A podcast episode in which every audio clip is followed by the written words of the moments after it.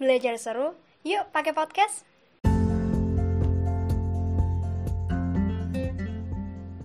Halo teman-teman semua, ketemu lagi di podcast Belajar Seru, yuk pakai podcast. Dan sekarang udah masuk episode ketiga. Seru banget belajar bareng teman-teman pakai podcast. Bisa didengerin kapan aja, di mana aja, dan bisa sambil nyantai-nyantai. Oh iya, teman-teman kabarnya gimana? Kayaknya pertanyaan ini retorik banget ya. Kebanyakan orang juga akan bilang, aku baik-baik aja, aku nggak apa-apa. Ya, semoga jawaban itu selalu jadi doa yang terkabulkan. Dan jangan membiasakan bohong sama diri sendiri dengan menjadikan kata nggak apa-apa dan baik-baik aja sebagai sesuatu hal yang wajar untuk menunjukkan diri kalian ke orang lain. Karena kita emang nggak pernah dituntut untuk selalu menunjukkan hal yang baik, tapi mungkin kita yang bikin tuntutan itu sendiri. Mindset kita udah terlanjur terbiasa sama pemikiran. Orang lain juga nggak akan peduli kalau aku cerita yang sebenarnya. Oke, nggak apa-apa. Itu kembali lagi ke diri kalian.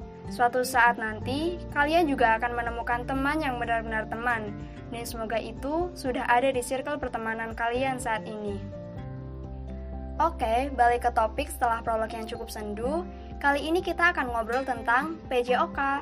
Wow, Pelajaran yang identik dengan kegiatan di luar ruangan, berkeringat, tapi diobrolin pakai podcast. Terus, mau ngobrol bagian apa? Kalau dilihat dari prolognya sih, enak kali ya kalau dilanjut obrolan tentang circle pertemanan. Terus podcastnya dikasih judul Dia, Dia, Dia telah mencuri masa depanku. Kayak lagunya Fatin. Dia, dia, mencuri masa depanku. Podcastnya makin jauh dari topik utama ya. Makanya, yuk simak untuk menemukan hubungan dari PJOK, circle pertemanan, dan dia si pencuri masa depan. Teman-teman, tahu nggak sih PJOK itu sebenarnya mata pelajaran yang seperti apa? Dari kepanjangannya aja, kita udah bisa menebak pendidikan jasmani olahraga dan kesehatan. Dijelaskan lagi oleh seorang ahli bahwa pendidikan jasmani adalah suatu proses pembelajaran melalui aktivitas jasmani yang didesain untuk meningkatkan kebugaran jasmani, mengembangkan keterampilan motorik, pengetahuan dan perilaku hidup sehat aktif, sikap sportif, serta kecerdasan emosi. Tujuan dari pendidikan jasmani antara lain mengembangkan keterampilan pengelolaan diri dalam upaya pengembangan dan pemeliharaan kebugaran jasmani serta pola hidup sehat. Sampai sini teman-teman tahu ya, bahwa yang namanya pendidikan jasmani itu tidak hanya olahraga. Karena dalam upaya tercapainya tujuan tersebut, penunjangnya banyak. Ada pola hidup sehat yang di dalamnya ada pola makan, pola aktivitas, dan hal-hal lainnya yang tentunya itu semua harus dilakukan secara balance.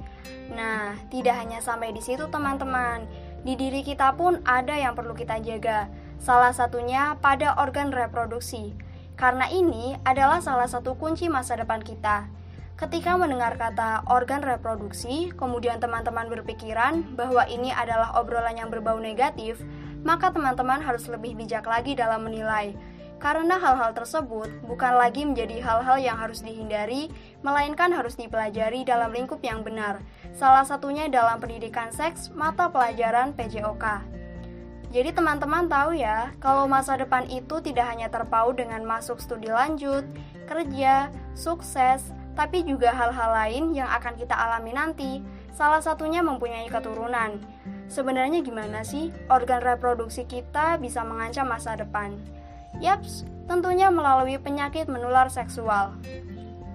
Penyakit seksual itu banyak macamnya. Ada sifilis, gonore, klamidia, dan juga HIV AIDS, yaitu penyakit seksual yang menyerang sistem kekebalan tubuh kita. Sesuai namanya, penyakit seksual menyebar melalui hubungan intim, baik secara vaginal, anal, maupun oral.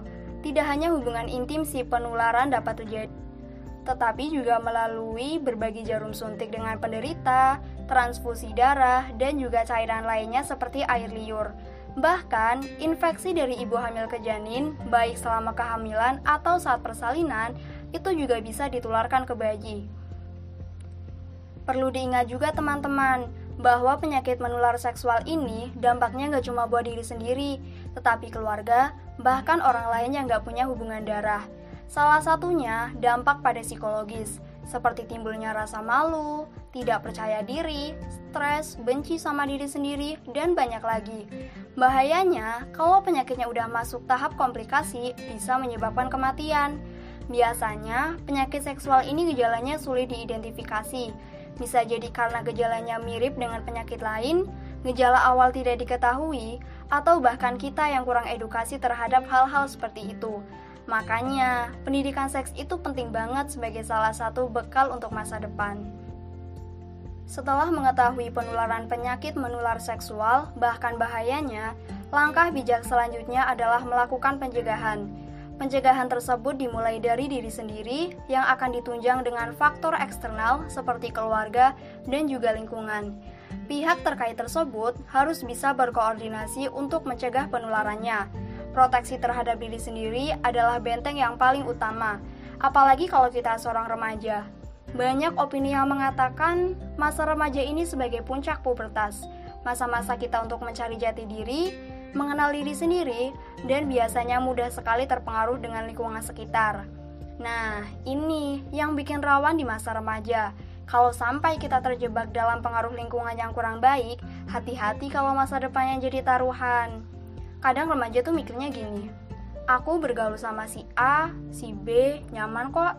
Jadi aku udah menemukan jati diri aku. Padahal itu salah. Yang nyaman belum tentu baik yang baik pun belum tentu tepat Circle pertemanan itu nggak dibatasi, tapi tingkat keakraban kita itu yang harus ditegasi. Makanya, diri sendiri itu bentengnya harus kuat dengan segala macam godaan. Selain kuat, juga harus bijak dalam berpikir dan menentukan pilihan. Normalnya, semakin bertambahnya usia tuh pola pikirnya jadi lebih terstruktur dan terbiasa sama hal-hal yang kompleks.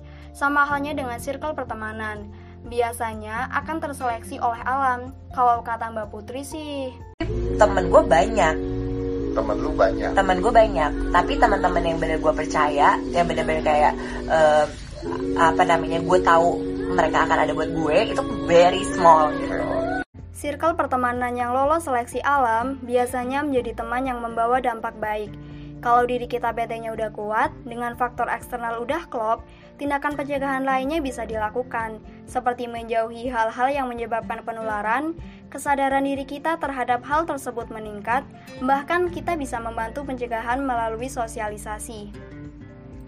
Apabila kita menemukan penderita penyakit menular seksual, kita juga bisa bersikap bijak dalam mengatasinya. Jadi sekarang udah tahu ya teman-teman gimana hubungannya PJOK, circle pertemanan, dan juga dia si pencuri masa depan. Kalau udah memahami isi obrolan tadi, jangan sampai ya itu hanya sebatas teori, tetapi juga perilaku yang harus diterapkan.